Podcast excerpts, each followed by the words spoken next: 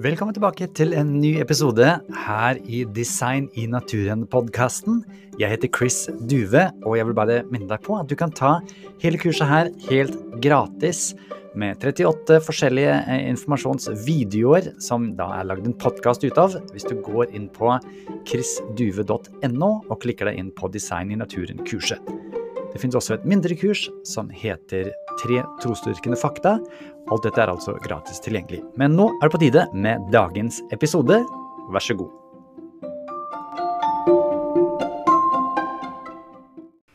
Hei, det er Chris her, og i denne leksjonen skal det handle om argumenter mot intelligent design. I Integrated Principles of Zoology står det at Henry Quasler observerte Tilblivelsen av ny informasjon blir som regel assosiert med bevisst tankeaktivitet. Og vi må komme oss litt eh, bort ifra å si å, det er så fantastisk laga, så det må være designa. La oss heller si dette er så fantastisk laga at det krever ny informasjon, det krever konstruksjon og bevisst tankeaktivitet. Derfor kan vi si at dette, f.eks. denne fantastiske isfuglen her, er designa. I forrige video som husker, så snakka vi om at eh, man lager seg flere hypoteser og kommer da med den beste forklaringen. Det er en vitenskapelig metode, og dette er noe som både Darwin og Stephen Meyer brukte. Og Dr. Meyer han er en av de som jobber med dette temaet med intelligent design borte i USA, i Seattle. Han leder et institutt som heter Discovery Institute. Og jeg var så heldig å kunne få lov til å snakke med han, og stilte han veldig mange vanskelige spørsmål om intelligent design. Her skal du få en uh, liten del av intervjuet, og du kan se hele i bonusdelen. Uh, but the, the point is that intelligent design is a scientific theory based on scientific evidence. It's an inference from biological evidence. It does have larger uh, worldview and indeed, I think, theistic implications. But um, it's based on science, scientific evidence, and it uses standard methods of scientific reasoning to come to the conclusion of design of intelligent design. I, in fact, in the books that I've written on biology, uh, Darwin's Doubt and Signature in the Cell, I use the very same method of reasoning that Charles Darwin used in The Origin of Species. It's called the method of m- multiple competing hypotheses or the method, method of uh, inferring to the best explanation. It's a standard method of reasoning that's used in the historical sciences as well as other fields such as theoretical physics. And uh, so when people want to say the theory of intelligent design isn't science, uh, if they applied any reasonable standard in in a in an in, in a in the same way across the board, they'd have to make say the same thing of Charles Darwin's theory of the origin of species because we're using the same method of reasoning that he did.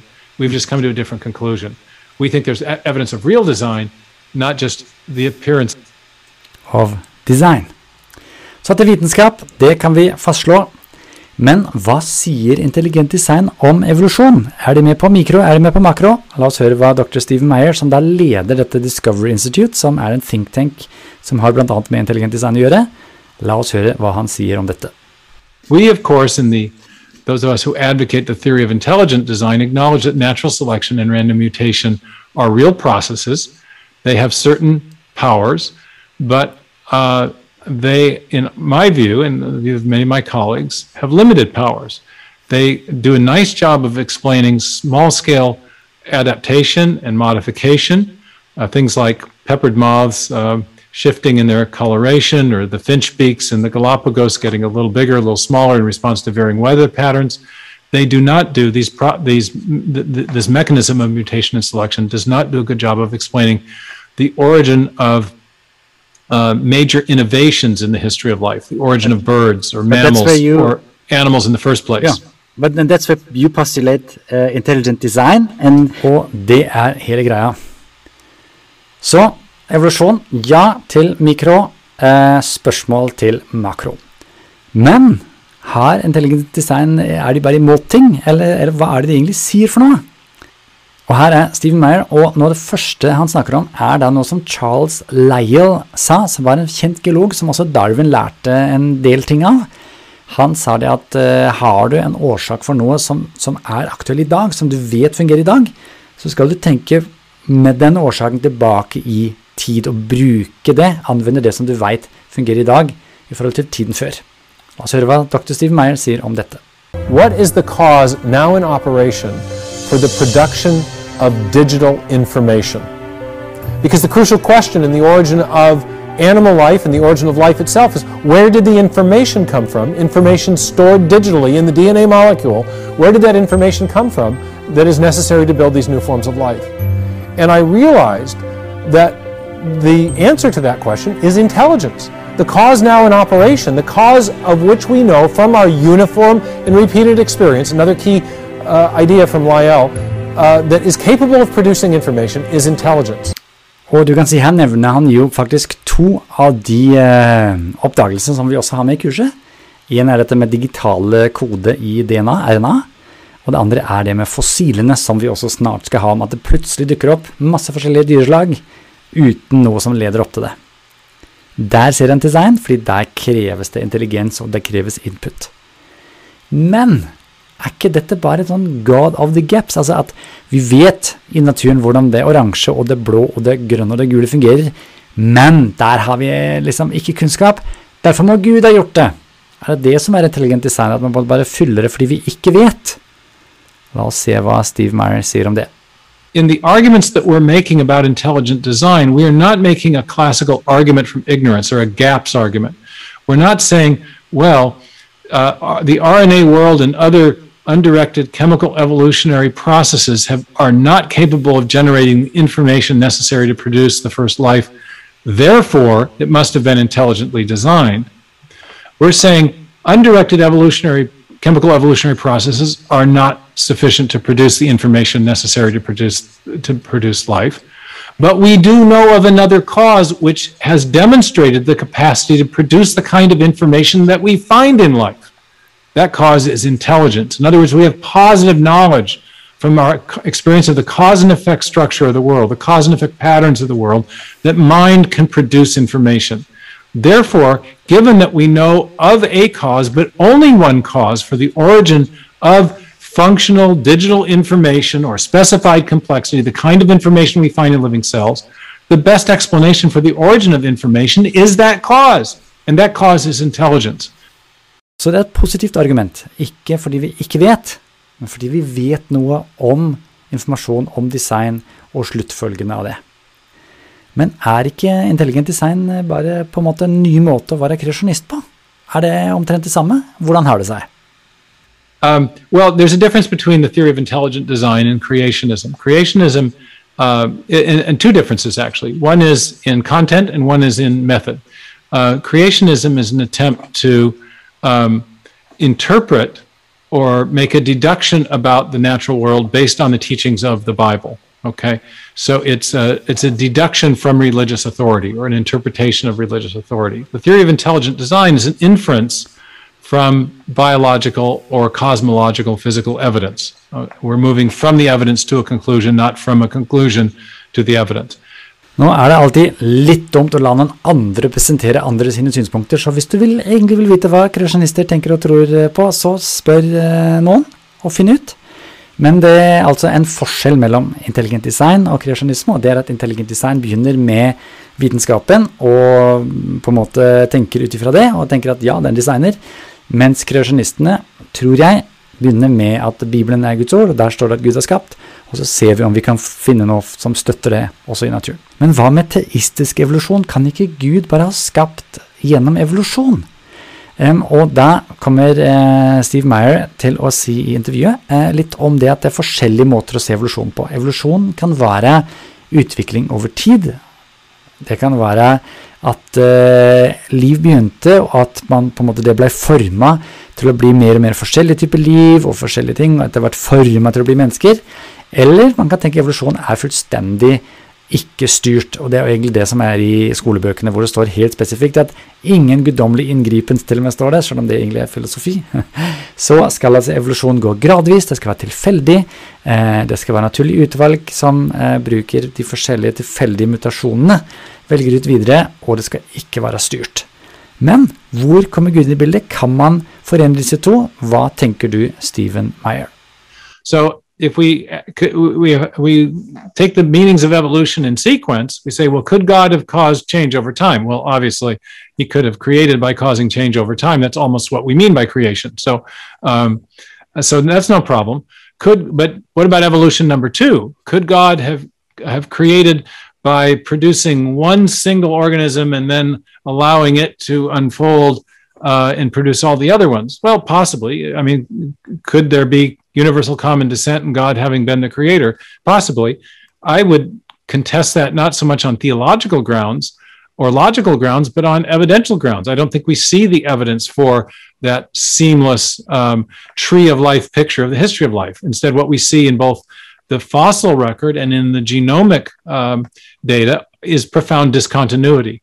Uh, the major groups of organisms, as opposed to minor modifications within uh, lower taxonomic categories, the major groups of organisms arise abruptly in the fossil record. And I know you've had Gunter Beckley on. He and I have written an article about the 17 major fossil explosions that have occurred, including the Cambrian explosion, perhaps the the the the, uh, the greatest example of fossil uh, abrupt appearance and discontinuity. Uh, but God could have uh, created life and then with, with the inherent properties that would allow it to unfold fold over time. Third meaning, though, could God have created using an unguided, undirected process?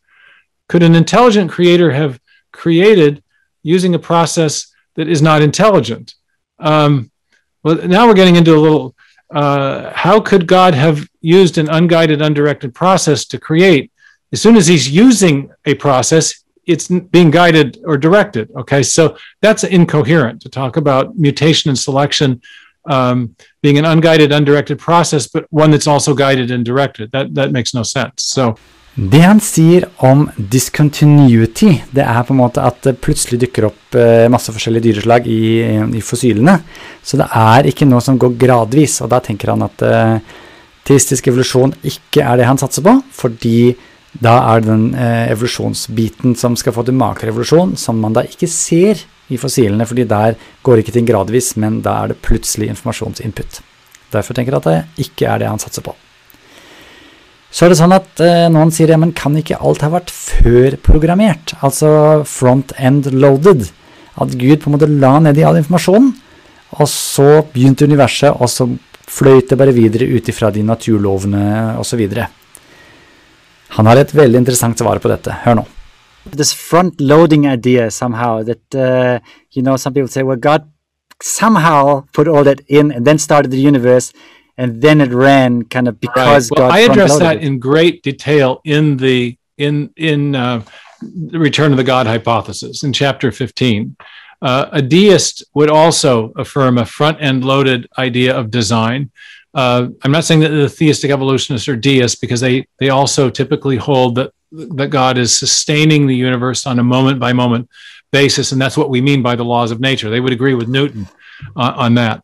But um, the front end loaded idea suggests that all the information necessary to produce the first life and all subsequent forms of life was present from the very beginning of the universe and then unfolded according to a master plan that was that it was established at the beginning, and that God had no further direct interaction or intervention into the into the the cosmos after that beginning point. Um, I show in the book that that's scientifically implausible. Uh, for one thing, we don't even get atoms until the universe cools enough uh, to form them out of an initial plasma state about 380,000 years after the, the beginning of the universe the idea that we could have had biologically relevant information stored somehow in a in, in an amorphous plasma state is, is implausible in the extreme. Så det han sier er at uh, fordi det i 380 000 år etter at uh, universet begynte, ikke engang fantes atomer, uh, men det var bare stor godhetplasma alt sammen, som ikke kunne lagre informasjon på noe vis, så tenker jeg at han er um, ikke den som støtter det på vitenskapelig vis at det er front-end loaded. Men la oss slippe til Doug X her bitte litt også, fordi eh, i, BI biologi fra Gyldendal står det at evolusjon har ikke en plan og ikke et formål.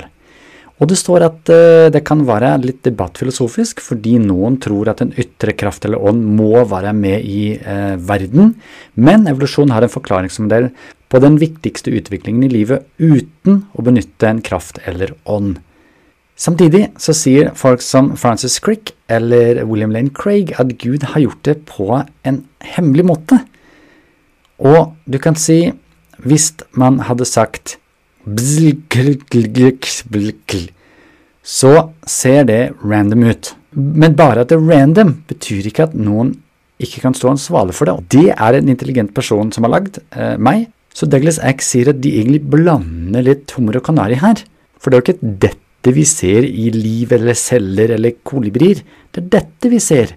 Orden, mening. Så spørsmålet er jo ikke om en designer har gjort random ting, men spørsmålet er om en designer har designa noe. Could God have arranged something deliberately that looks like gibberish. Yes, I just did an example in the book, but that's not what we're talking about. We're talking about something that doesn't look like gibberish. So they're equivocating. Yes, it's possible for an intelligence to imitate unintelligence, but that doesn't give you life. That doesn't give you things that are extraordinary. So they're they're they're equiv- they're deliberately clouding the issue. The point about life is that it can't have happened by accident. So it's totally irrelevant that intelligent agents can imitate randomness. Of course they can. The point is, life is not random. It doesn't look anything like randomness. And unintelligent causes cannot produce the products of intelligence. So that's why when we look at life, for all the reasons we've already discussed, we're correct.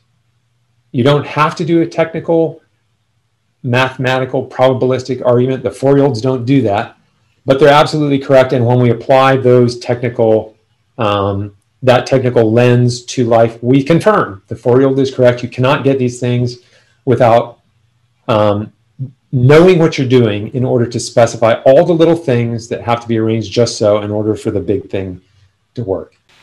Og nå har vi hatt en skikkelig liste og funnet ut hva intelligent design står for. Det er altså en teori som bruker vitenskapelige metoder. Denne med multiple competing hypotheses, flere konkurrerende hypoteser, og dette med inferring to the best explanation, konkludere med den beste forklaringen. Intelligent design utfordrer selvfølgelig da makroevolusjon, fordi eh, der trengs det informasjon som skal inn, og dermed utfordrer den også teistisk evolusjon. Intelligent design har en annen tilnærming enn kreasjonisme, og intelligent design er ikke en GEPS-basert. Altså vi vet ikke, derfor må det være design her. Men vi vet hvordan design fungerer, vi vet hva som skal til. For at uh, når du finner en kode på en eller annen stein, så skjønner du at dette er designa. Når du finner en kode inni en celle, så kan vi bruke den samme metoden for å si dette er også designet. Det er et positivt argument. Nå er det tid for action. Det er din tur. Du kommer bort i en samtale, og noen spør deg du, hva er egentlig dette med intelligent design. Jeg sier ja, det er en teori som sier at fordi visse ting krever intelligens, så finnes det noe som har designet de tingene. Er det vitenskapelig? Ja, det er det. Det er en historisk vitenskapelig metode som blir brukt. Akkurat som Darwin brukte, eller som politiet bruker når de skal prøve å finne ut av et eller annet som har skjedd. Hvor man da ser etter de, hva slags hypoteser som fins. Og den beste forklaringen, den som passer med faktene, er den som man går for. Follow where the evidence leads, sier ID-folka. Men er det ikke bare fordi man ikke vet? Dette kan du nå. Det er ikke en GEPS-sak, men det er et positivt argument. Du kan det nå. Hva med makrorevolusjon? Hva sier intelligent design om det?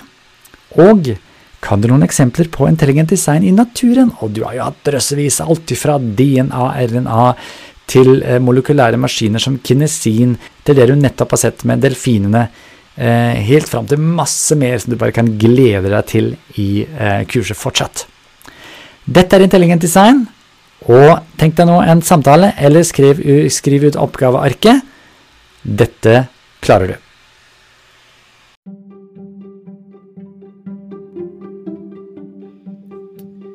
Igjen, dersom du ønsker å få tilgang til de hjelpearkene eller oppgavearkene, så er det jo fullt mulig for deg å signe opp til kurset. Da går det an å laste det ned. Hvis du går inn på chrisduve.no, så ser du all informasjonen der. Dersom du ønsker å støtte denne podkasten og annet arbeid som jeg holder på med, kan du også lese mer om det på chrisduve.no. Takk for nå.